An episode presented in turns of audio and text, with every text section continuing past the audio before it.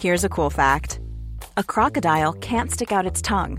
Another cool fact you can get short term health insurance for a month or just under a year in some states. United Healthcare short term insurance plans are designed for people who are between jobs, coming off their parents' plan, or turning a side hustle into a full time gig. Underwritten by Golden Rule Insurance Company, they offer flexible, budget friendly coverage with access to a nationwide network of doctors and hospitals. Get more cool facts about United Healthcare short term plans at uh1.com. Burrow's furniture is built for the way you live. From ensuring easy assembly and disassembly to honoring highly requested new colors for their award winning seating, they always have their customers in mind. Their modular seating is made out of durable materials to last and grow with you. And with Burrow, you always get fast, free shipping. Get up to 60% off during Burrow's Memorial Day sale at burrow.com slash ACAST. That's burrow.com slash ACAST. burrow.com slash ACAST. There's never been a faster or easier way to start your weight loss journey than with PlushCare. PlushCare accepts most insurance plans and gives you online access to board-certified physicians who can prescribe FDA-approved weight loss medications like Wigovi and Zepbound for those who qualify. Take charge of your health and speak with a board-certified physician about a weight loss plan that's right for you. Get started today at plushcare.com slash weight loss. That's plushcare.com slash weight loss. plushcare.com slash weight loss. Inga eh, konstigheter? Du är med på upplägget där? Ja, det tyckte jag Ja. så bra ut. Ja, Eh, ja. Jag bara tänkte det kunde vara kul att få med det. Ja, ja absolut, men vi skickar på, skickar på dig direkt där. Jag håller en liten, eh, eh, en litet anförande här till att börja med bara, sen kör vi det.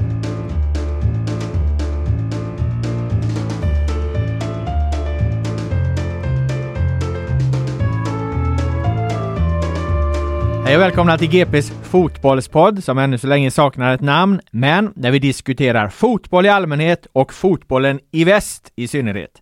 Vi är, kan jag meddela, nära ett beslut i namnfrågan, men vi skjuter på det till efter träningslägren i början av februari. Då är det nämligen tänkt att Hålla Marbella specialpodden ska återuppstå med fullt fokus på Champions League-kvalande BK Häcken här och dam samt IFK Göteborg. Men därefter blir det en fet relansering med nytt namn. En annan nyhet i år är att eftersom vi även lyft in ytterligare ett lag i poddrapporteringen, det vill säga IF Elfsborg, så kommer vi inte kunna redovisa allt om alla lag varje gång, utan vi håller oss till cirka fem tunga ämnen per avsnitt, det vill säga det mest intressanta som hänt inom fotbollen i allmänhet och fotbollen i vår region i synnerhet. Idag är det jag, Robert Laul, som leder showen och comeback i studion gör Filip Troler efter en rekordlång semester, en så kallad Boman-semester, semester som sträcker sig över tre kalendermånader, om inte fler. Men nu är du tillbaka Filip, välkommen! Ja, jag får, eh, får peka på ett faktafel där direkt. Det var faktiskt bara över två månader. Så. Ja, lång var den i alla fall. Var Det, det, det kan vi konstatera. Jag hoppas att, eh, att du har haft det bra och om du inte har något mer att protestera emot så tänkte jag att jag kastar ut dig på det djupa direkt med en spaning kring svensk fotboll i allmänhet. Ja men bara kör. Ja. Det, det är lugnt. Kör på! Eh, vi pratar om svensk fotboll i allmänhet. Eh, Nej, jag, eh, häng, hängde du inte med? Fan, Nej, du är ringrostig ja, alltså. det är jag. sa så här, om du inte har något mer att Ja. protestera emot så tänkte jag att jag kastar ut dig på det djupa direkt med en spaning kring svensk fotboll i allmänhet. Du har väl en sån? det har jag väl inte? Det har du väl? Nej det har jag inte. Publiksuccéerna på de allsvenska lagens eh, träningsstarter, Superettans eh, träningsstarter. Det har ju varit eh, enorma åskådarmassor på alla lag här. Ja jag får, jag får vakna till liv. Ja det får du fan göra. Ja, alltså, det frågan var- är om den här semestern inte spände över tre månader i alla det var fall. nog fan det. Du vet hur min situation är på hemmaplan. Det Ah, är ja. tuffa nätter emellanåt. Men nu är jag vaken, nu är jag med.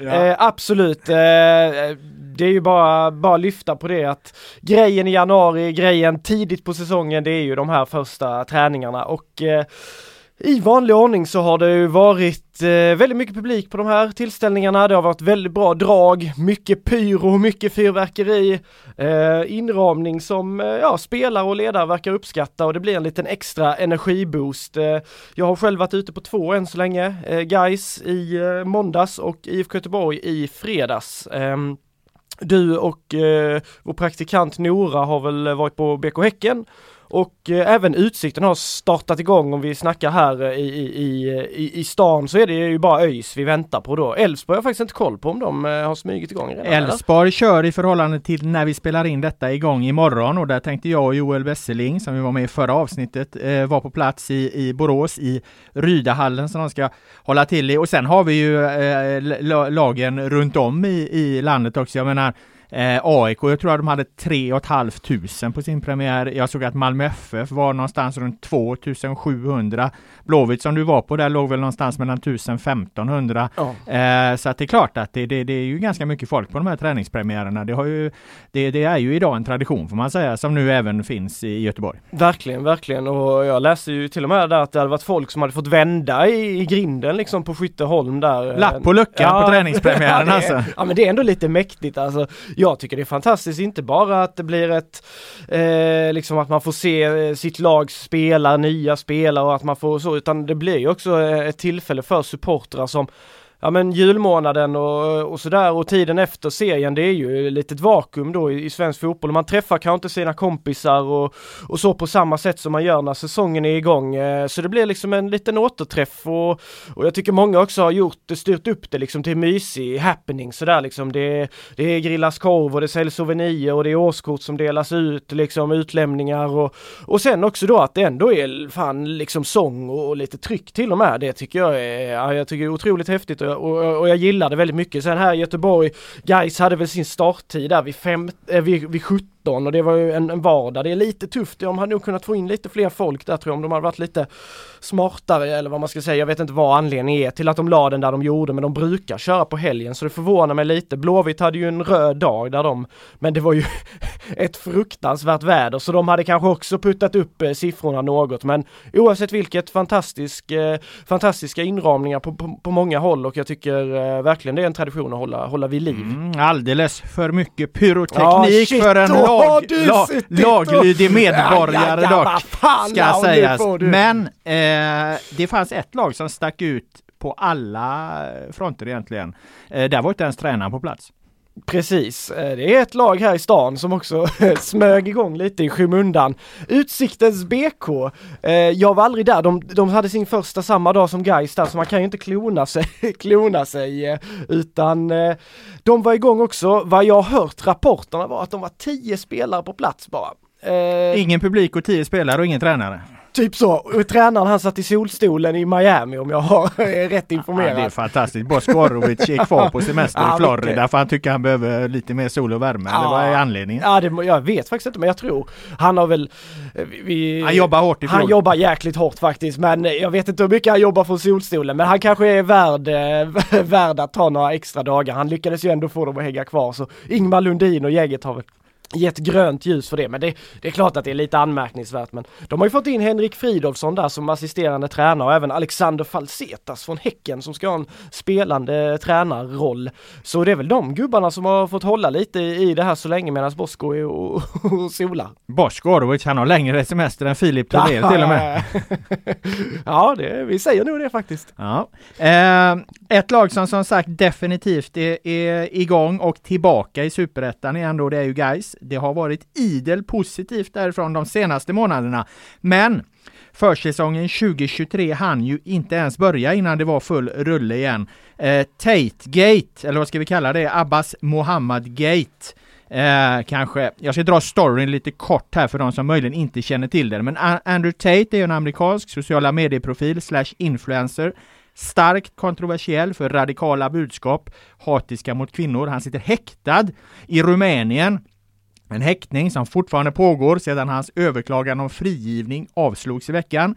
Eh, Tate-bröderna då ska ju vara anklagade för människohandel och våldtäkt. Och frågan har blivit särskilt stor i Sverige eftersom Tate gav sig på klimatkämpen Greta Thunberg på Twitter var, var på Greta slog tillbaka så snabbt och smart att hennes svar som plattade till Tate fullständigt idag är ett av Twitters mest gillade någonsin uppe i ett par tre miljoner likes som inte ännu fler.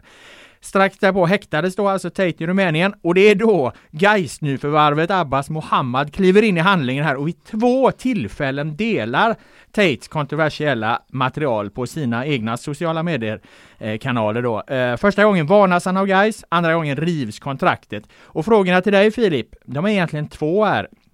Eh, står straffet i proportion till brottet? Alltså vad tycker du om Gais agerande här? Och två, hur påverkar det här Gais eh, eh, sportsligt? Låt oss börja med, med fråga ett där. Är det rimligt att driva kontraktet när Abbas Mohammad egentligen inte själv skriver något uppseendeväckande utan han sprider ju endast en annan persons förvisso helt bedrövliga åsikter utifrån eh, rådande normal samhällsuppfattning. Det är en eh, svår eh, fråga, eh, tycker jag faktiskt, även om man, eh, precis som du är inne på, den här typen av åsikter, det är förkastligt att han sitter och sprider det.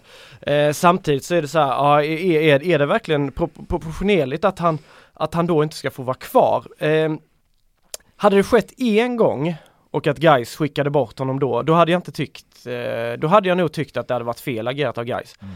Men jag tycker att när man sitter ner, har ett samtal, förklarar det här strider mot vår värdegrund, vi vill inte att du gör det här. Och det första som händer är att han går och gör exakt samma sak igen. Eh, det är för mig men då, då tycker jag faktiskt man har bränt sina broar och då, då är man liksom, de har fått chansen men man sabbar den.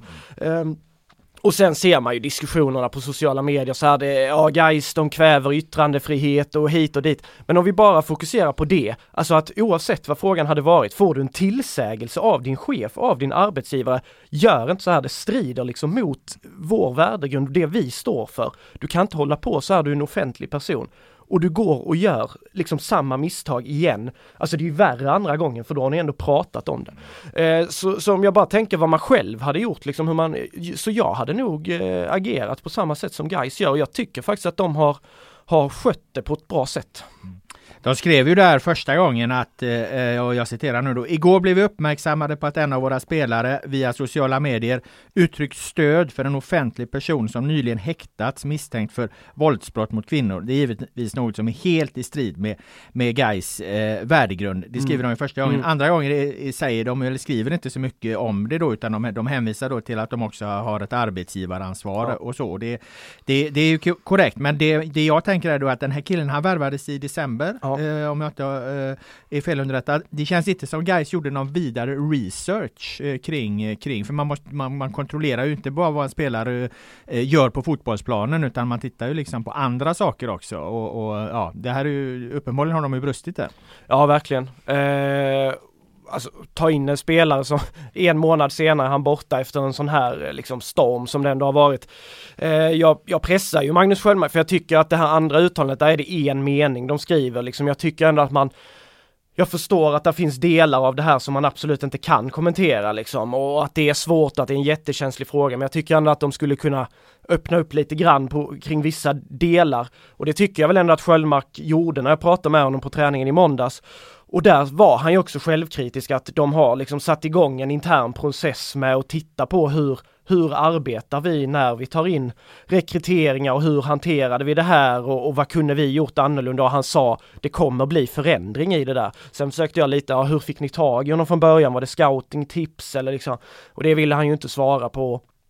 Och samma sak när det gäller det ekonomiska också, att eh, det hade han ju ingen kommentar. Och sen rent juridiskt så, är, så verkar de överens liksom. Och, och när man tänker lite på hur han har agerat Abba så känns det ju nästan lite som att han eh, ja men att han ville att det här skulle hända också efter första tillsägelsen. Lite som att, ja det här vet jag ju naturligtvis inte, det är vild spekulation, men att okej, okay, här kommer klubben och säger till mig, fan heller att de ska liksom peka liksom med pinnen här för mig, utan då eh, skiter jag hellre i det här stället. Liksom. Menar du att han blev så eh, förnärmad någonstans ja, då kanske. Eh, av den här första tillsägelsen? Att, att, så, eller tänker du att han efter en, en månad i föreningens, i föreningen så kände han att ah, fan det här blir fel, jag vill bort härifrån och så liksom bråkar han sig bort. Ja, nej, det, tro, det senare tror jag väl inte på. Alltså det, är för, det hade varit väldigt märkligt. Då måste det ha hänt liksom någonting. För, för de har ju mest varit lediga och, mm. och kört individuellt och haft lite gympass och sådär. Jag frågade ju Fidde Holmberg och, om hur mycket Abbas hade varit med och, och, det var inte alls mycket. Det var ju bara några gympass liksom. Så det har jag väldigt svårt att tro. Däremot så tror jag inte det är omöjligt att han då har, jag känner inte honom, jag har aldrig nej. träffat honom, aldrig pratat med honom så jag vet inte.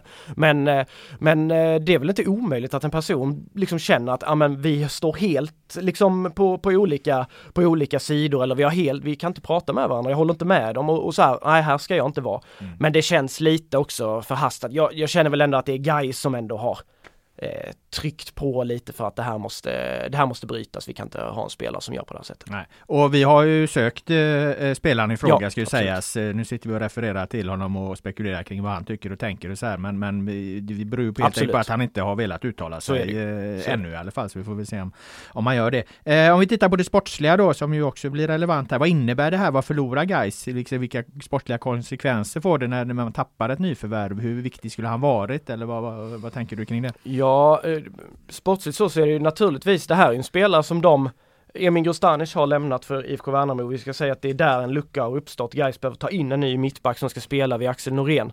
Eh, Abbas Mohammad var valet eh, det föll på. Sen är jag inte helt hundra på att han var värvad som liksom given vid Norén. För de har An- Anes Kardaklia som de tror jäkligt mycket på.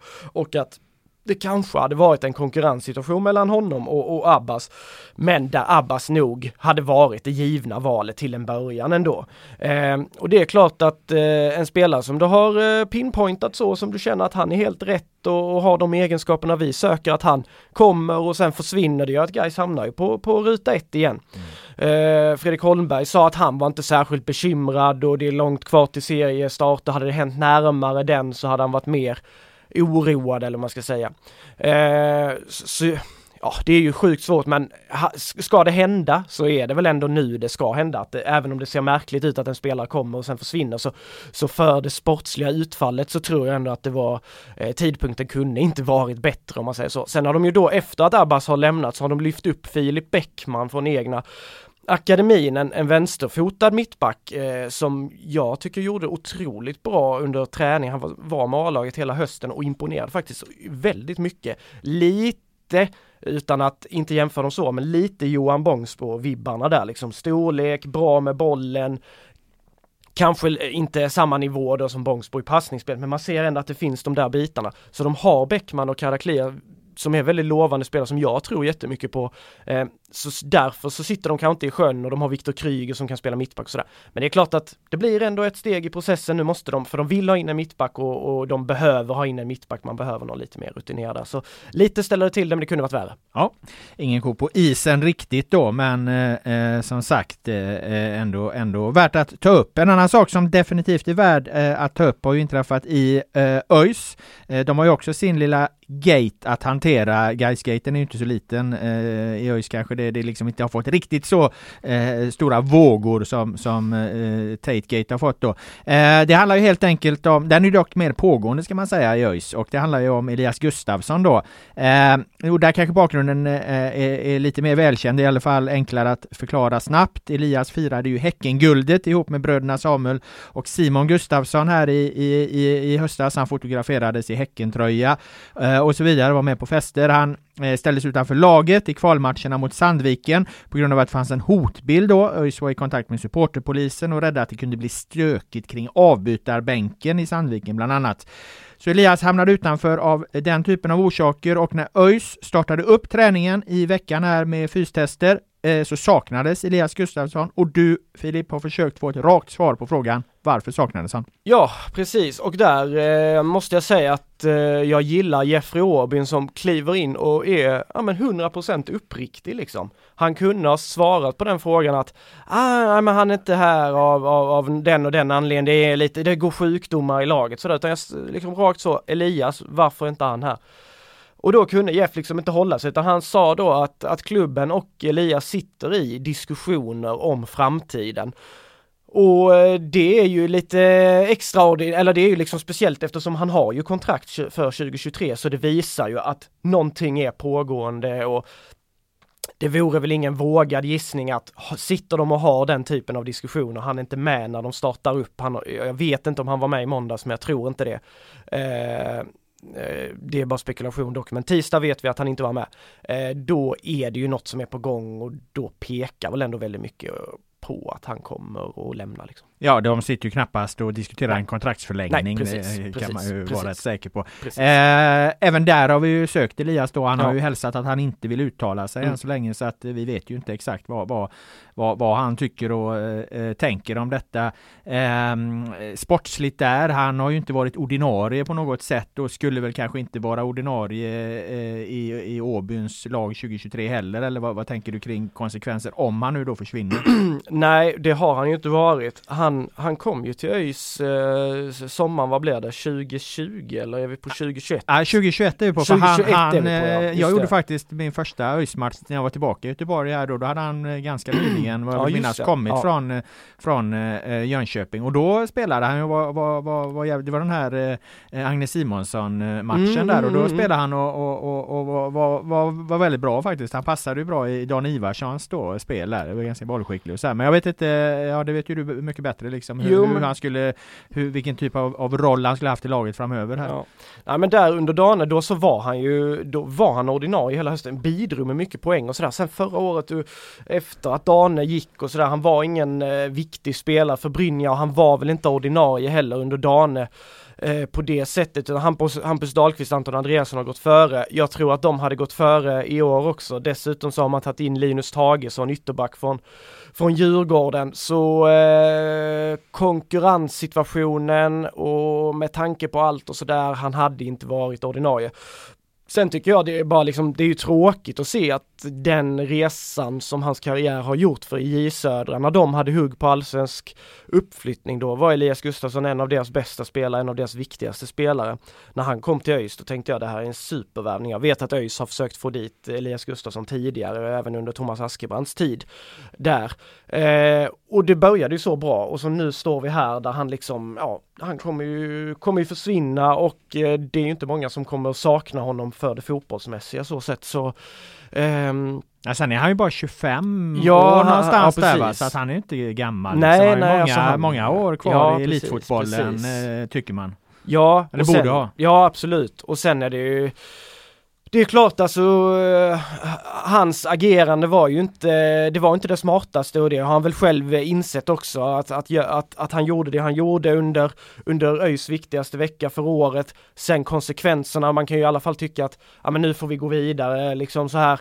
Eh, det är klart att allt rabalder, han är ju ändå en människa och, och, och att det sätter sig och jag skulle inte bli förvånad om det sätter spår att han är eh, tagen av det. Delvis har han sig själv att skylla, delvis kan jag tycka att det har fått lite för stora proportioner. Men eh, ja, han, eh, det, är, det, det är trist bara så, men jag har svårt att se liksom att han ska fortsätta i, i, i ÖIS efter det här. Mm. Vi får se när, när eh, någon av parterna kommer med ett klart besked i frågan. Eh, innan vi lämnar ÖIS, där måste jag bara ta med dig. Jag hade ju med under din rekordlånga semester, där hade jag ju med Jeffrey Aubyn i, i, i eh, podden, intervjuade honom, eh, fick ett, eh, precis som du var inne på, ett väldigt gott intryck. Tror det där blir väldigt bra för ÖIS. Eh, nu har de börjat smyga igång här och du har varit ute och träffat Jeffrey. Vad får du för känsla där?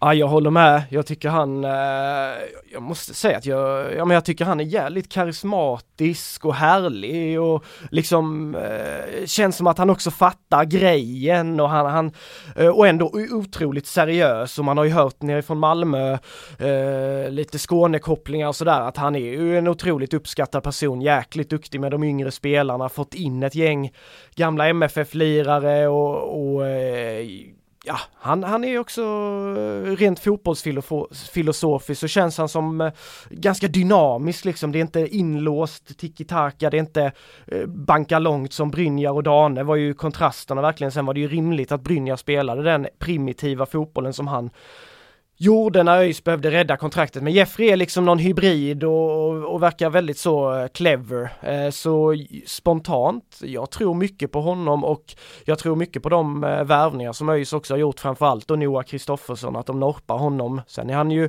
oprövad på superettanivå men gör du 21 baljor i, i ettan södra som inte är kattpiss i serie och, och eh, framförallt visar de kvaliteterna, driv med boll och löpa i djupled sådär. Jag, jag kan liksom inte se något annat än att det blir succé för honom. Å andra sidan så satt vi här och hypade Jag skulle precis säga det. sönder ÖIS förra försäsongen också. Allt var bra, allt är kanon. Det är sån ordning och reda och det är kontinuitet och det är liksom spännande värvningar och då, då sket det sig fullständigt. Så eh, jag vet inte, men jag, fan jag tror på ÖIS igen nu liksom. Det är de vibbarna jag får i alla fall. En sak som jag tänkte plocka med dig där eh, från intervjun jag gjorde som jag tycker var intressant som vi pratade väldigt mycket om i fjol. Det var ju det här, det här liksom som du, du touchade lite med, med Dan Ivarsson extrem åt ett håll, mm. eh, Brynjar eh, extrem åt ett annat håll, ÖIS med, sin, eh, med sina manualer och fastlagda eh, strategier. För, för när jag hade med, med Jeffrey i podden här så, så pratade jag liksom, okej okay, var, var i allt det här kommer du in liksom? Vem är det som bestämmer i ÖIS egentligen? Är det Jeffrey Aubyn fotboll eller ÖIS fotboll eller vad, vad är det som gäller? Och där var ju han stenhård liksom. Det är, det är jag som bestämmer hur det här laget ska spela. Det är inget snack om den saken liksom. Visst, jag tittar och lyssnar på vad de har för identitet. Men nu är det, det är liksom, det här, det, det här är Jeffrey Aubyns projekt ungefär. Mm, den, mm, den mm. bilden. Så att jag menar, det är ju både intressant att veta för framtiden att, att eh, är, är, det någon man ska hänga framöver så är det Jeffrey. För det är han som, har, som väljer inriktning här helt enkelt hur de ska spela. Samtidigt så, så är det ju liksom också rimligt att, att, att, att, att han får forma det här efter sitt huvud. Ja, det vore ju vansinnigt liksom. Då skulle jag ju aldrig ha plockat in honom om man är så vitt skilda liksom. Jag tror ju att väldigt mycket av ÖIS-fotbollen, det finns ju ändå i Jeffrey, det finns ju i Jeffrey som hur han var som spelare och det finns i Jeffrey hur han är som tränare. Så jag tror inte de står så himla långt ifrån varandra men det man kan säga är ju att han har ju verkligen fått det är ju mandat till fullo här alltså. Spelarna från MFF där, det är ju inte ÖIS som har suttit och, de har säkert haft koll på Mattias Nilsson kan jag väl tänka mig i öst och han har gjort det bra och sådär men eh, No och eh, eh, Mojanic, det är ju Jeffrey-gubbar och det har Jeffrey själv sagt också att Mojanic var han som lobbade upp för och, och det verkar som Noah Kristoffersson också hade väldigt så här, ja men han gillar Jeff, jag vet inte om de har jobbat ihop eller sådär, det har jag glömt, liksom inte kollat upp så men det är Jeffrey Åbin, vi har en ny fystränare, Oskar Ljungblom, han, han han har jobbat i Malmös akademi samtidigt som Jeffrey Aubin, så det finns eh, kopplingar där hela tiden. Det, det här är ett Jeffrey-projekt, absolut. Ja, och eh, hypen har vi så smart börjat bygga upp igen. Ja, Då får ja, vi se om, Den, om den blir bättre eh, än i fjol och du slutar med, med negativt kval så att säga. Eh, vi ska byta spår här. Vi ska gå över till IFK Göteborg. Eh, inte minst för att jag själv gjorde ett eh, annorlunda reportage här i veckan får man väl ändå säga, för att inte säga unikt till och med. Jag har nämligen varit inbäddad i IFK Göteborg. Det nya öppna IFK Göteborg. Uh, nej, men jag fick i alla fall följa med laget under en, en dag, var med på alla möten. När chefstränare Micke Stara hade möte med ledarna, ledarnas genomgång med spelarna. Jag var där på frukost och lunch, träningar och jag eh, satt ner och intervjuade Stara. Jag var liksom som en fluga på väggen under en, en vanlig blåvit eh, dag av förberedelser inför säsongen eh, 2023. Eh, det här reportaget då, tv och text, kommer ju på gp.se på fredag förhoppningsvis, om vi får allt klart. Eh, och jag tänkte att vi skulle plocka upp två saker om det här Filip. Först och främst då den här eh, tillgängligheten från IFK Göteborg. För mig är den ny. Blåvitt har ju historiskt varit den mer slutna Göteborgsklubben, du får rätta mig om jag har fel sen, men min bild är att liksom misstänksamheten har varit större hos Blåvitt än hos exempelvis BK eh, Häcken då. Till och med när Häcken var i guldstrid i fjol och det massmediala trycket var avsevärt större på, på hissingen än uppe på Kamratgården så kunde ju Häcken ha en mer öppen och, och välkomnande eh, miljö. Nu upplever jag liksom att presschefen Marcus Modera då jobbar hårt för att IFK inte längre ska uppfattas så här. Jag tror att gärna, jag tror att Moder gärna ser fler reportage av den här typen som jag har gjort och som kommer på fredag då. Men han har ju liksom inte full frihet utan det, han ska ju liksom få med spelartruppen, tränare Stare, klubbdirektör Håkan Mild på det här tåget och min killgissning killgissning, är att det varken är spelarna eller Stare som bromsar det här utan det är faktiskt klubbdirektör Håkan Mild som motarbetar att IFK blir en mer öppen och tillgänglig förening och det tror jag handlar lite om att Mild, han vill liksom vara lite populär bland de här hårdföra eh, IFK-supporterfalangerna, att eh, Mild liksom vill flörta med de här machokrafterna som tycker att journalisterna, de ska man hålla på en armlängds avstånd. Men det är en killgissning som sagt. Vad tror du? Eh, jag tror att, eh, alltså först om vi börjar med det här att du upplever dem som mindre öppna. Eh, det håller jag väl med om. Nu har jag inte jobbat så nära Blåvitt ska vi säga, utan jag har ju mest eh, bevakat Gais, ÖIS och Utsikten liksom på riktigt nära håll. Sen har det varit i perioder där man har gjort mycket IFK Göteborg, mycket Häcken, så länge jag har varit på, på GP. Eh, när det gäller Blåvitt så tycker jag det har gått väldigt mycket upp och ner i det här. Jag tycker inte att de har varit slutna hela tiden sedan jag har varit här 2016 utan det har varit lite beroende på vem som var tränare. Det har varit lite beroende på vem som har varit i ledningen och sådär. Det har skiftat lite upp och, mer, upp och ner. Men om man jämför med de andra klubbarna, alltså Gais, ÖIS, Utsikten, det är ju fritt blås. Häcken är ju också otroligt öppna och tillmötesgående.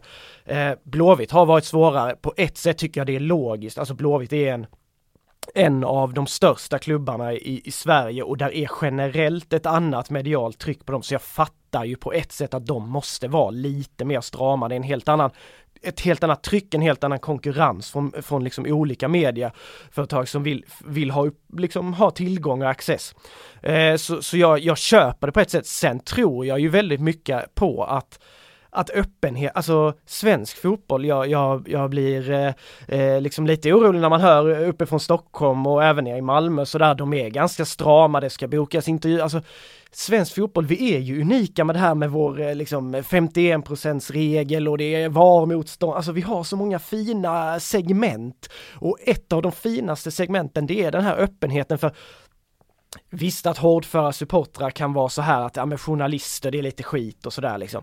Men, men, men samtidigt så tror jag de gillar ju att läsa det här och man måste ju ändå tänka, ger man media mer access? Det är inte för oss, det är liksom inte för oss, det är för supportrarna, det är för medlemmarna.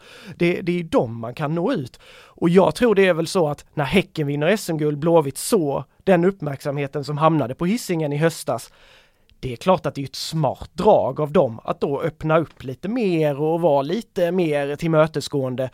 Eh, och nu har jag varit eh, lite gjort Blåvitt här i, i början av säsongen. Jag tycker det har varit helt fantastiskt att, att jobba med dem eh, på, på, det här sättet för det har varit eh, smidigt och enkelt, liksom inga konstigheter. Så det, det uppskattar, uppskattar jag precis som jag uppskattar de andra klubbarnas öppenhet. Jag älskar det där liksom och det klart att man är partisk och sådär men jag tror verkligen att svensk fotboll ska vi kunna fortsätta växa allihopa tillsammans då måste man ha den öppenheten att gå mot Englands hållet eller sådär. Det vore liksom förödande för så bra är inte svensk fotboll. Nej. Ett vanligt missförstånd tror jag bland människor som följer eh, fotboll och även eh, eh, klubbledare som jobbar inom fotbollen i vissa fall.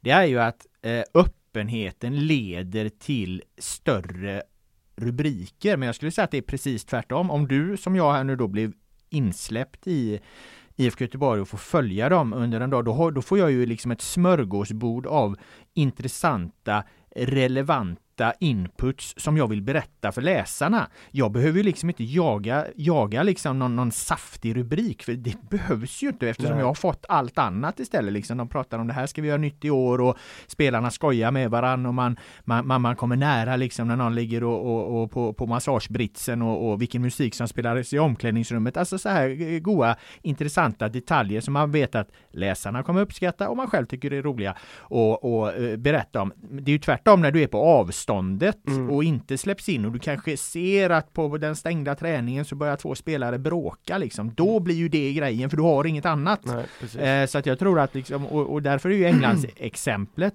intressant eftersom där har de ju stoppat medierna, de får inte komma i närheten och då måste ju medierna för att ha någonting att skriva så måste de, de, de jaga vad som finns liksom. Ja. Och då blir det liksom uppgifter som man fan varken vet om de stämmer eller Nej. inte liksom. Så det här är ett mycket bättre sätt. Det här är ett, ett bättre sätt för klubbarna, bättre sätt för medierna, bättre sätt för fansen och i slutändan ett bättre för, för hela journalistiken liksom att det blir en bättre journalistik. Jag tror att det här reportaget som kommer nu kommer uppskattas jättemycket av läsarna.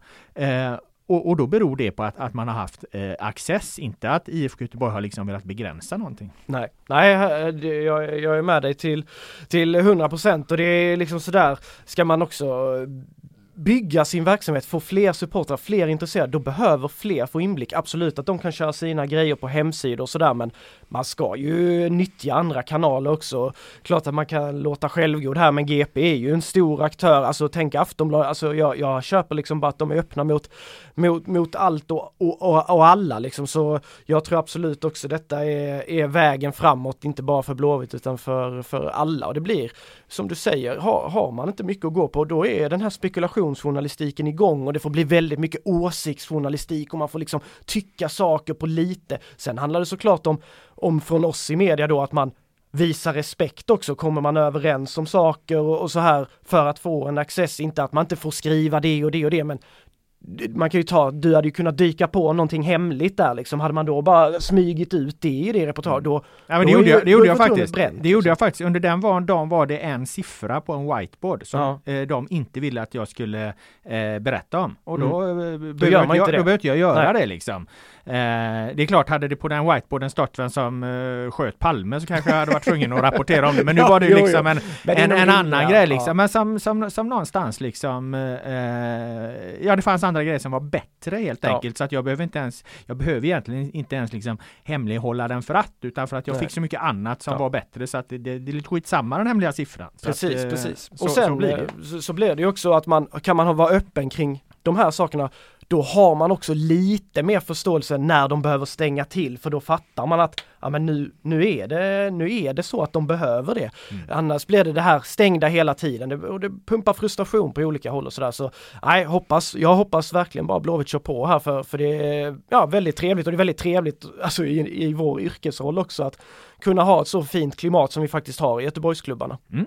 Eh, några grejer då som jag eh, snappade upp som vi kan vara intressanta för oss att diskutera lite här också. Det är ju att IFK Göteborg då eh, skrotar 4-4-2. De går in i säsongen med eh, 4-2-3-1, inte världens största skillnad, eh, men ändå ett, ett, ett vägval som, som de uttalat gör. Eh, de satsar på ett ökat bollinnehav eftersom tränare Stara har gjort analysen att alla guldvinnare senaste tio åren typ Typ, har haft ett totalt bollinnehav på höga 50 procent eller runt 60 procent till och med.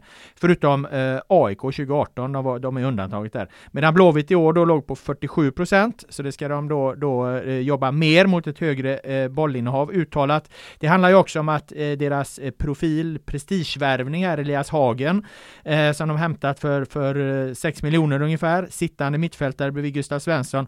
Eh, han, han, är ju värvad för att spela bollen framåt, eh, för att bidra med de kvaliteterna och då måste man ju spela via mitten en hel del och inte eh, slå för mycket långt, lite förenklat.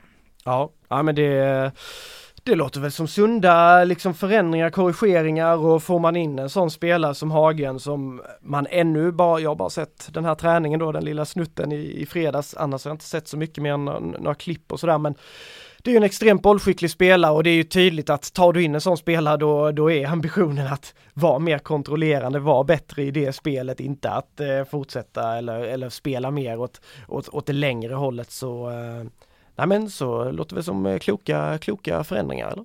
Absolut. Vi ska höra hur Stare uttrycker det här när jag satt ner med honom. Hemma, hemmaplansspelet, eh, bollinnehav, generell intensitet, eh, riktning på spelet. Eh, mer fart i vårt, vårt spel. Det är de sakerna som, som vi ska fokusera 4-2-3-1? I ett, I ett utgångsläge så, så vi har ju tittat på tittat på, på eh, självklart hur vi ska approacha kommande säsong. Och det känns som att vi, vi känner att ett 4-2-3-1 Sen kan man göra det på massa olika sätt men att det blir något som vi, vi kommer, ingången på säsongen blir att vi kommer gå in där med det och också att inte vara så trendkänsliga. Vi kände att vi, liksom vi, vi var eh, Vi fick göra lite för mycket förändringar. Vi startade säsongen med ett 4-4-2. Sen var det några matcher vi kände att vi behövde spela med tre man centralt. Då blev det mer 4-5-1. Innan vi då gick in och spelade 4-3, alltså riktat spel på, på sommaren och så blev det mer mot 4-2-3-1 och så blev det lite 4-4-2 i slutet ändå. Så att, lite för mycket förändringar utifrån att ja, det finns inget beslut där som jag, som jag på något sätt där och då så var kunde man argumentera varför man gjorde det och det, jag kommer ihåg varenda enskilda match och så. Däremot så ska vi nog försöka bygga upp ett spel där vi blir mindre trendkänsliga och, och, liksom, och, och vi känner att 4-2-3-1 där finns det utrymme för både våra moderna idéer och fortfarande ha den stabila lagtryggheten så att säga. Så att det är det som jag utgår ifrån också, att vi ska kunna ha mera, kan inte spelare ett på den positionen spela så ska nästa spelare som står på tur eller liksom fighters bakom eller ta hans plats vetade sin roll på ett ännu tydligare sätt. Jag säger inte att vi inte har vetat om det nu, men på ett ännu tydligare sätt än vad vi gjort. Ni ska ha tydligare rollspelare ja. 2023? Ja, yes. Om du beskriver Elias Hagens roll, hur tänker du kring den? För den är ju spännande för många eftersom han är ny och omskriven. Av eh, sex eller sex plus, eller, det vill säga att var en, han, han är en, en av två på något sätt balanserade spelare. Eh, där är han i Bodø spelar en väldigt så typ sexa. Men eh, då spelar han på det sättet också. Så att, vet du, det är, eh, så att jag ser väl en 6 plus 8 att vara liksom mer offensiv än kanske har varit i, Bodö men, men på något sätt fortfarande vara en spelare som, som, som, är liksom, i balanserande roll men var lite mer eh, offensiv i det och slå passningar framåt, ta bollen framåt, vara bekväm med bollen. Så att vi, vi är ju väldigt bekväma med den centrala mittfältspositionen just nu med, med just nu så har vi som det, det är Elias och det är Gustav och det är Simon Thern och Sebastian Eriksson och det är Abbe och Filip Ambros och alla Amar. Så det är väldigt många centrala spelare för tillfället. Ja, reaktion på Stares eh, programförklaring där Filip? ja men det är väl exakt det han, han säger som du var inne på lite grann där att de, de vill ha eh, lite mer kontroll och sådär och 4-2-3-1 jag tror ju, jag tror ju verkligen att det är en modell som skulle passa detta Göteborg, IFK Göteborg och, och med den spelartrupp som de förfogar över hit, hittills och sen kommer det säkert komma in någon till där men Tänk då Elias Hagen och Gustav Svensson liksom som navet på centralt mittfält. Det är ju, där har du en kärna att bygga ifrån och Kalle Johansson och Johan Bångsbo där bakom. Och Marcus Berg är väl ett alternativ både som tia eller nia då. Mm. Eh, det jag, det jag, vad jag förstår så tänker de Hussein Kanei i en ingång där som, som tia. Det är väl det jag är lite skeptisk mot jämfört till exempel med Häcken då som ju eh, har Samuel och Simon Gustafsson som de sittande mm. och där är ju Blåvitt bra med med då Gustav Svensson och Elias Hagen men det, då har ju Rygaard ligger ju där framför oss och mot Kanei då där blir det rätt stor skillnad alltså. Yes. Det är många, många tior i Allsvenskan som, som är på en högre nivå än Kanei liksom. Han ska klara pressspel och, och allt så här liksom.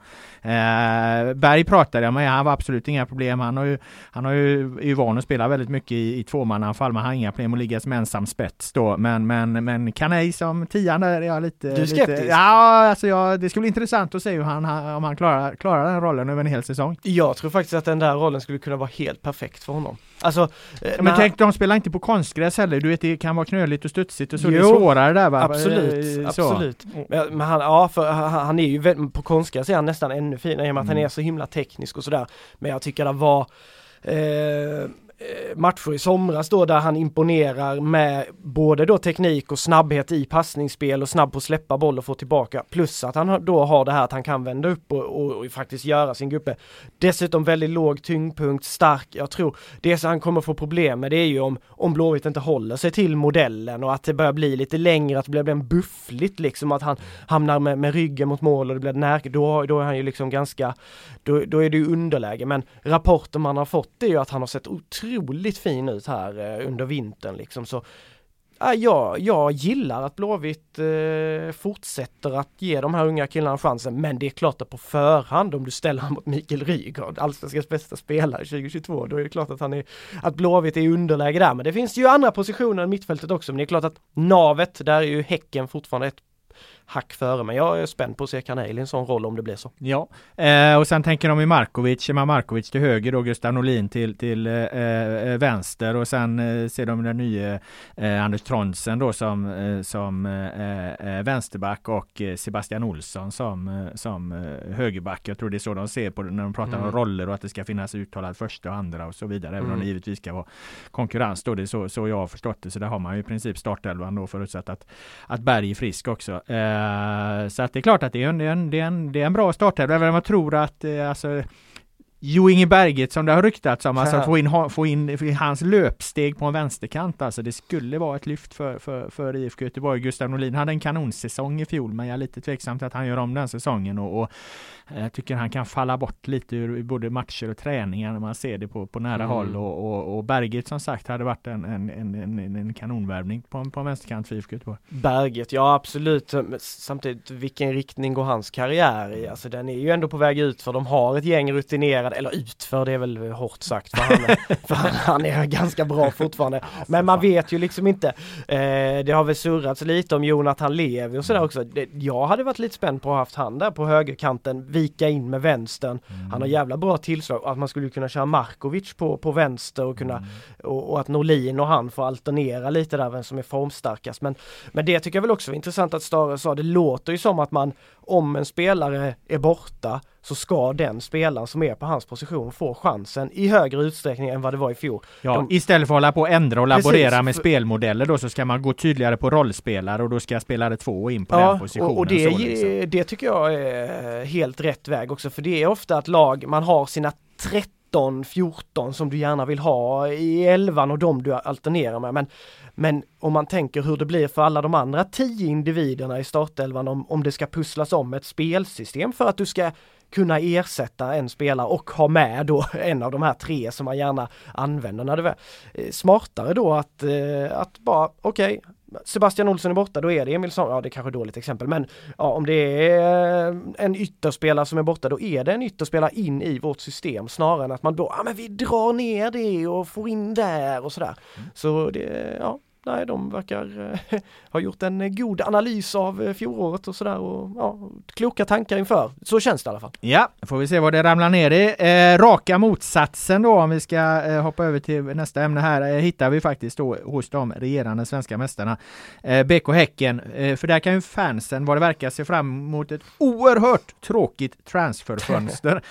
men det kanske bästa tänkbara utgångsläget ändå för en klubb. För vilken, vilken liksom fotbollsförening eh, vill inte behålla hela jävla guldelvan som det ju i dagsläget när jag var ute på den här träningen liksom, så då var ju alltså alla var inte där för Samuel Gustafsson var på landslagsläger och, och isländska ytterbacken där eh, Valger Fridriksson var också på landslagsläger och så men annars är ju alltså guldelvan är ju intakt. Jag vet inte fan om det alltså jag kan inte påminna mig att det har hänt tidigare. Nu verkar det väl gå som att Jeremejeff kanske försvinner men, men, men jag kan inte påminna mig om att en guldelva har fått vara helt intakt från en säsong till en annan. Nej, jag kan inte heller eh, påminna mig om att... eh, Det har säkert hänt, jag menar att jag ska jo, dra det ur hatten nej, nej, men, nej, men det är ovanligt absolut, liksom. Absolut, det är otroligt ovanligt. Herregud, det är ju för jävla ovanligt. Liksom. Det, nej men det brukar ju vara, det brukar ju alltid vara så här, åtminstone de två, tre mest framträdande. Man lyckas hålla kvar någon storstjärna men sen kanske eh, två, tre av de viktigaste spelarna, de går utomlands för det, de har gjort det så pass bra. Men min känsla är att marknaden är lite Eh, i och för sig Hammarby och där, det skickas ju spelare hela tiden, det känns som de säljer allt de, de, de har. Eh, men marknaden känns lite mer stiltje och jag tog faktiskt fram, jag gjorde en snabb koll innan vi gick in här i studion när du skickade där om att, att Guldelvan var intakt. Totalt under vinterfönstret förra året för våra Göteborgsklubbar och då exkluderade jag damerna lite för att de har lite annat fönster eller har tidigare haft och det. Men, men Utsikten, Gais, ÖIS, Blåvitt och Häcken, de tog tillsammans in 43 spelare. Snabbt räknat är det här nu. 43 spelare under vinterfönstret i fjol. Hittills har 13 spelare tagits in. Oj, ja det är ju en, det är ju ett knappt tredjedel då alltså. det. Sen är det en del kvar på Ja, fönstret jo, det, naturligtvis. så är det. Så är det. Mm, Och det kommer att hända saker. Mm. Men, Men det kommer fortfarande- aldrig nå upp i, Nej, i du 40, kommer aldrig- 43. Så mycket kommer det inte bli. Nej, liksom. det, absolut det inte. Alltså. Eh, jag tror inte man ska underskatta det allmänna ekonomiska läget med Nej. inflation och så. Alltså, saker blir dyrare även, även för, för, för fotbollsklubbar eh, i, i viss mån. Liksom. Vi ska komma in på det lite senare där. eh, man kan ju nämna det då. Eh, eh, IFK Göteborg pratas ju väldigt mycket om att de betalade 6 miljoner någonstans då för den här Elias Hagen. Liksom. Men jag menar Malmö FF eh, hystar väl ut 8 miljoner eller 7-8 miljoner för Taha Ali här eh, från Helsingborg liksom. Det, det är Mm. en hög summa för en inhemsk värvning så, så, så att jag tror nog att den här inflationen också kan, kan ha något med, med, med saken att göra liksom. Ja säkert och sen ska man ju ha med beräkningen att Gais hade åkt ur en serie och sådär så det blev kanske lite mer ruljans. Men generellt, jag tror hade vi gått tillbaka tre, fyra vinst- vinterfönster här så hade vi sett att rulliansen på spelare var någonstans runt 35-40 och där uppe kommer vi inte hamna i år. Och jag tror det är jävligt bra för våra Göteborgslag att jäklar, de har sett kontinuitet och att marknaden är lite lugnare, att det är inte riktigt samma hets åt alla håll och sådär. Så, ja. Faran med det då om man tar Häcken som exempel som vi var inne på där att de får behålla det. Alltså det är ju å ena sidan som är det som du säger, man får bygga vidare på någonting man vet fungerar. Eh, kontinuiteten, man kan bli ännu bättre, utveckla det ännu mer. Men det krävs ju någonstans liksom att, att spelare inte är mätta, nöjda och allt det här liksom. Det där kan ju vara, vara, vara, vara lite svårt att veta ibland. Det är klart, nu har de ju en otrolig morot i ett Europa eh, Europakvalspel då givetvis eh, för klubben men, men hur, hur, eh, hur stor är hungern på, på, på jämfört med att vinna det historiska första SM-guldet mot att klara av att ta ett, ett andra guld som är ju svårt. Det är ju väldigt sällan. Det är i princip Malmö som vinner mm, guld i rad mm, liksom mm. och så IFK Göteborg bak, bak på 80-90-talet liksom. Men det är väldigt, väldigt sällsynt att, eh, att allsvenska lag vinner, vinner två guld i rad. Djurgården gjorde det 2002 2003. Ja. Just det. Men sen är det Malmö och IFK Göteborg som har gjort det historiskt i princip förutom några, några, några undantagsfall. Då. Ja, nej men det är klart, men jag, jag, jag kan ändå inte se, det kan, man kan inte vara mätt där ute redan. Den där truppen kan inte vara mätt, även om jag förstår vad du, poängen här mm. liksom att Nej, det var med ett principiellt ja, resonemang alltså, att det alltså, kan uppstå ja, en mättnad. jag säger inte att de är det men Nej, men... nej precis. Det som också är faran är lite att Alltså om du får behålla alla i detta fönstret så är det ändå att tiden går liksom. Och de här spelarna blir sugna då kanske mer och mer sugna på att försvinna. Samtidigt som de då inte går nu, då kanske Häcken bränner några potentiella värvningar här som man gärna hade fått in när deras befintliga spelare sen kanske vill lämna till sommaren eller många kanske vill lämna efter nästa säsong. Då är de här spelarna som Häcken gärna hade velat ha in nu då finns inte de kvar på marknaden. Alltså, sen är det ju, rullar ju allting hela, hela, hela tiden. Men det finns väl också i, i, allmänhet är det väl alltid lite bra att byta ut lite grann. Det mm. som inte får ske det är ju när det bara stormar iväg eh, åt alla håll. Eh, men mer plus än minus såklart att guldelvan är eh, intakt. Så är det ju. Men eh, eh, eh, tänk vad liksom intresset egentligen skulle påverkas negativt om det alltid var ungefär som det är i Häcken. Ja, ja. Om hela den här silly season eh, karusellen, vilket jag i och för sig inte skulle ha något emot. men jag menar den är ju väldigt intressedrivande. Ja. Eh, alltså förväntningarna på en, ett lag, en förening som har värvat mycket är ju alltid högre bara för att de har värvat mycket. Sen kan det vara att de har liksom har värvat sämre spelare. Det spelar ingen roll. Det blir förväntningarna och draget ja, ja, kring det blir ändå högre bara för att det har hänt saker liksom. Det är någon slags livsnerv där i, i hela fotbollsverksamheten idag. Elitverksamheten ska man säga. Just det här med att det kommer in eh, nytt Folk har en tendens att tro mer på det som är nytt för att det är nytt liksom, inte för att det nödvändigtvis är bättre. Nej, det är faktiskt en, en, en sanning eh, att, att precis så är det och det är väl ofta framförallt om ditt lag har haft en dålig säsong eller en medioker säsong. Då vill man, vi vill ha något att tro på. De där var ju så jävla kass i fjol. De ja. kan väl inte liksom förändras. Man ser, Kontinuitet är tråkigt ja, att tro på fast den är jävligt ja, bra liksom. Precis. Det är ju lite så man ser de här guys supportrarna som tjatar om sina veckor veckoslut de vill ha hela jävla tiden. Vad har de fått hittills? Två veckoslut eller något? Eh, ja, Abbas tre då, men det, det har ju försvunnit. Så, så eh, och guys liksom som då vanligtvis brukar ta in en 10-15 nya spelare, det är två här men ja, det, det, jag håller med dig. Pulsen eh, den, den sjunker lite grann när det inte händer så mycket, men för resultat och för verksamheterna så tror jag det är bra, men supportrarna vill ju gärna ha något nytt och hoppas på något nyår, vara spänd på liksom. Mm. Eh, och eh, supportrar som har fått det då för att göra en radioövergång där vi lyfter blicken och zoomar ut lite från våran region. Det är ju faktiskt Malmö FF då som jag eh, eh, eh, eh nämnde där ehm, eh, med Taha Ali där som går för, från, eh, från Helsingborg för, för eh, någonstans 7-8 Eh, miljoner och de har gjort en hel del andra värvningar också. Men vad tänker du om just den, eh, den, eh, den affären? Där? Det är ju en spelare som, som jag antar att många har velat ha, en, en otrolig dribbler. Ja, det, där har ju han en, en spets eh, som, där han är nästan lite egen, eller ja, kanske lite tidigt att säga det, men han, han är jävligt unik där i svensk mm. fotboll, just i den spetsgrejen.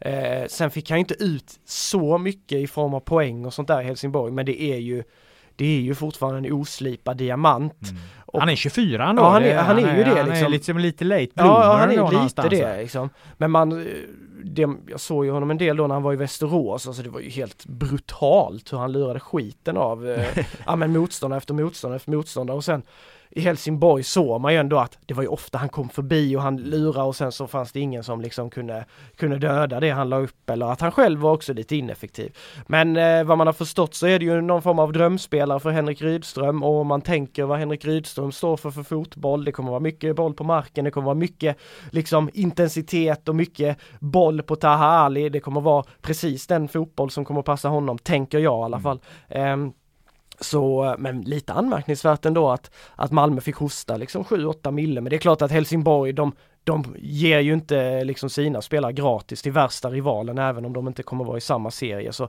det är väl ändå, jag tycker, kanske ganska bra gjort av HF att kunna få loss så, så pass mycket för en spelare som inte liksom har Eh, i poäng och mål etablerat sig på allsvensk nivå. Nej. Och du nämner ju Rydström där och det skulle jag säga är, det är därför jag tänker att vi ska ta upp Malmö FF här egentligen. Det är ju, det är ju någonstans för att Alltså, för mig är det här den stora storyn med Allsvenskan eh, 2023. Eh, Henrik Rydström kommer in i ett Malmö som har missat i Europa. Rydström är en av liksom, de största allsvenska profilerna på, på 2000-talet. Eh, stor eh, eh, tränarprofil nu, coming man betraktad som kanske en framtida förbundskapten och har liksom fått väldigt mycket lovord och hyllningar överallt han har varit. Eh, har, har liksom eh, utifrån betraktat i alla fall gjort underverk med, med, med Kalmar FF som har har eh, överpresterat gentemot den ekonomiska verkligheten. Nu kommer han liksom till den, till den eh, största och mest eh, framgångsrika fotbollsklubben i Sverige som är ett extremt pressat läge att de måste nå Europa. Så han kastas alltså rakt in i den svenska kuppen här där han, där han liksom, de måste vinna den här kuppen annars missar de Europa. Och missar Malmö FF Europa med tanke på de kostnaderna de ligger på då blir det ju en extrem press på att de måste komma till Europa nästa år. De, de, de, sen kan det gå fort. Djurgården, exakt i det här läget kommer Djurgården bakifrån och nosar som, eh, eller flåsar dem i nacken som mest också med, med dra in 100 miljoner på sitt eh, eh, Europa Conference League-spel och, och, är extremt starka just nu. Eh, Djurgården har liksom flyt i alla olika delar av verksamheten. Så att, så att här finns en jävla story alltså. Och, och, och då lägger man också till det du, du nämner där då, hur Rydström vill spela. Han är ju liksom en projektbyggare som vill bygga över tid och allt det. Nu, nu, nu, nu har han inte haft råd att förlora en kvartsfinal i Svenska Cupen. Då kan han ju fan vara, då kan han vara borta ju. Alltså, det, ja, alltså jag diskuterade det här med Jeffrey när jag satt med honom och han sa alltså det spelar ingen roll, Henrik Rydström kommer inte få mer tid än någon annan. Det är, är du Malmö FF så måste du leverera liksom. Du har mest pengar, du ska göra resultat. Det är fan vinn annars och bye bye. Ungefär. Ja, ja, men jag hade fan med blivit chockad om de åkte i cupen och att Rydström fick eh, gå alltså. Men absolut, de, det är ju otrolig press på dem när de kliver in i den här säsongen och, och eh, nu lyckades han väl applicera sin fotboll ganska snabbt ändå både i Sirius och, och, och Kalmar så det gör väl att det finns hopp om det men Eh, många MFF-spelare är ju kvar i en annan typ av fotboll. Det har inte varit så mycket tiki-taka på MFF liksom. Det var väl bara några år sedan Apoya sa att det enda de gör det är att slå inlägg liksom. 500 mille på banken och slår bara inlägg. Så.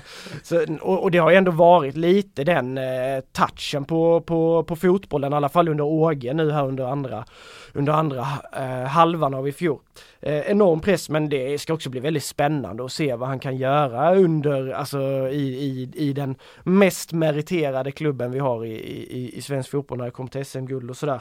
Så eh, Ja, nej. Det, men men, men håll med om att det är någonstans i allsvenskans story där, Jo men liksom. lite så, absolut. absolut. i Malmö ja, och vad ja, fan jo, som händer jo, det där är nu liksom. Alltså det är ja. det ju. Just med det, den karisma och profil och allt det där som du, som du nämner. Det är ju så. Sen är man ju jättespänd också på brännan där uppe i, i, i mm. AIK. Det kommer ju också vara en sån där som man kommer verkligen... Där är det ju hela havet stormar för eh, övrigt ja, med Nabil Bahoui som ja. fick lämna här igår ja. och en, en, en, en klubbdirektör som har, har tagit över den här Manuel Lindberg då som på ganska kort tid har tagit över varenda roll i föreningen och verkar göra precis vad fan han vill och skicka folk till höger och vänster och bry sig inte vad någon tycker så att det, det, det, de, det, det, det var lite som i Gais där försäsongen hade börjat innan det var fullt kaos i Gnaget igen. Eller nästan som förr i tiden när man följde AIK när det, det, det liksom var jävla tvära kast mellan eh, succé och fiasko. Ja för de har ju annars varit ganska tuffat på ganska stabilt under många år känns men det, det har blivit Men det gjorde lite... de inte i början av 2000-talet Nej nej absolut inte. Det, det, då, då var det röjigt där alltså. Eh, men och Hammarby det säljs spelare, till Bojanic försvinner, Ludvigsson försvinner, Jas har försvunnit eh, och de har ju inte tagit in så mycket än så länge. Djurgården är ju utan tvekan liksom. De Djurgården är oerhört de, starka ja, alltså. Ja. Och sen eh, faktiskt om vi nu talar region Älvsborg alltså mm. med, med den hösten och deras struktur och sådär. Men ja, allt det där får vi väl återkomma till senare. Ja. Men Rydström är en jävla, det är, det är absolut en, en, en, stark story i den här allsvenska säsongen 2023. Men det var, det kan, för det pratade vi om i förra avsnittet mycket när vi hade Joel då som följer Elfsborg ja. noggrant just eh, att det, man ska liksom inte underskatta den kraft som, som de kan komma med. Men, men de har 28 man i truppen. Det handlar liksom om att i det här läget minskar det. Så, och vänder man på det resonemanget så har de ju allting på plats egentligen. De ska bara få bort lite spelare. Ja. Så sen, sen är de nöjda. De är uppe i ett eget kapital nu på 100 miljoner kronor efter senaste Väisänen-försäljningen här börjar mm. de närma sig kapital på 100 miljoner kronor. Alltså det är ju, det är ju det är, det är mer än vad Häcken har. Så att, eh, och det, man ska ju inte liksom förakta betydelsen om det om Elfsborg skulle vara i ett bra läge till sommarfönstret och känner lite, lite, har lite Häcken-feeling ah, att vi kan, ah. vi kan gå för det här. Då I somras tog ju Häcken in eh, Simon Gustafsson och, och, och Sana och så gjorde ett par, par tunga, behöll Jeremejeff och allt det där. Elfsborg skulle kunna hamna i ett liknande läge så det är helt rätt det du säger där att, att eh, där har du ytterligare eh, en klubb som mår bra. Ja precis. Så det är väl de, Elfsborg, Djurgården, Häcken. Mm. Det känns som de som liksom där det är stilla och där man mm. vet mm. lite vad man har dem på, på något sätt. De andra tunga elefanterna där, det är lite mer stormigt och, och Blåvitt ligger någonstans där mitt emellan. Man kan inte säga att det är stormigt där liksom, men de är inte riktigt där Nej. eller har inte riktigt varit där så eh, ja, blir mycket, mycket spännande. En sista grej om Rydström bara, det jag är lite nyfiken på där, det är hur hanterar han nu när han hamnar i en miljö med extremt stora och starka stjärnor? Det känns ju som att det, det är liksom hans, det är någonstans det sista han behöver bevisa, att han liksom kan, kan få ett lag att dra åt samma håll, det vet vi nu, att han kan sätta en spelidé och, och, och, och förklara den för spelarna. Det har vi sett exempel på både i Sirius och Kalmar FF, men där har han ju inte haft några stjärnspelare. Sirius har ju överhuvudtaget inga stjärnor och, och Kalmar hade väl en på sin höjd liksom. Så att, eh, nej men du fattar vad jag menar. Jag nu kommer han till ett lag liksom där de, där de liksom eh, slå på varandra i omklädningsrummet eh, lite hårdraget men, men, men alltså det är ett jävla liksom tryck utifrån det perspektivet. Det kommer absolut bli en utmaning men jag tror, jag tror ändå, alltså jag, om man bara tänker Henrik Rydström liksom kasta in honom i ett omklädningsrum där. Alltså tror du inte han är jävligt bra på att ta olika personliga och även tunga profiler liksom. Han känns som en mm. sån där, precis som i en, i en ÖIS-kontext eller superettan här Jeff liksom. Nu är det inte den typen av profiler i ÖIS men i, i en superettan-kontext så tror jag han också är exakt exakt en sån där, liksom bra och liksom kan styra av eh, konflikt, alltså allt sånt där och, och det är fan det, det, är viktigt. En tränare kan inte bara vara tränare, måste vara pedagog också. Ja, och Rydström är ju smart. Ja, han jag tror att han vinner också, mycket liksom. på det. Han, han ja. hade ju förmodligen kunnat bli framgångsrik i väldigt många andra sammanhang än just, eh, mm. just som fotbollstränare, just för att det är en begåvad människa som kan liksom eh, eh, göra snabb, korrekta snabba analyser av läget liksom och, och, ta kloka beslut därefter. Så att jag är inne på din linje att han kommer säkert fixa det. Men med det sagt så vet vi ju inte. Vi har inte sett det eftersom nej, klubbarna han har varit i tidigare har varit eh, eh, ganska fattiga på storstjärnor. Mm. Men jag tror inte det kommer bli som Magnus Persson stod och skrek på Kalmar-supportrarna där när han var där. Eller så. Jag, jag tror inte Rydström kommer hamna i några sådana tunga konflikter, han är för smart för det. Så är det. Eh, bra eh, Filip, om du inte har något mer här då, vi har hållit på en timme här nu så tackar jag dig.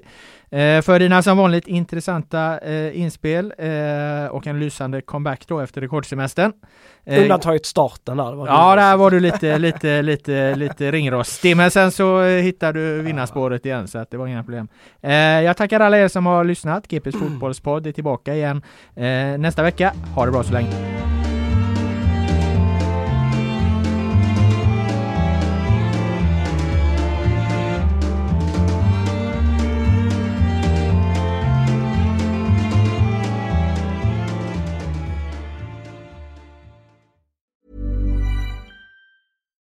When you make decisions for your company, you look for the no-brainers. And if you have a lot of mailing to do, stamps.com is the ultimate no-brainer. It streamlines your processes to make your business more efficient, which makes you less busy. Mail checks, invoices, legal documents, and everything you need to keep your business running with stamps.com. Seamlessly connect with every major marketplace and shopping cart Schedule package pickups and see your cheapest and fastest shipping options from different carriers with rates up to 89% off USPS and UPS rates. And with the Stamps.com mobile app, you can take care of mailing and shipping wherever you are. Make the same no-brainer decision as over 1 million other businesses with Stamps.com. Sign up with Code PROGRAM for a four-week trial, plus free postage and a free digital scale. No long-term commitments or contracts. That's stamps.com. Code program.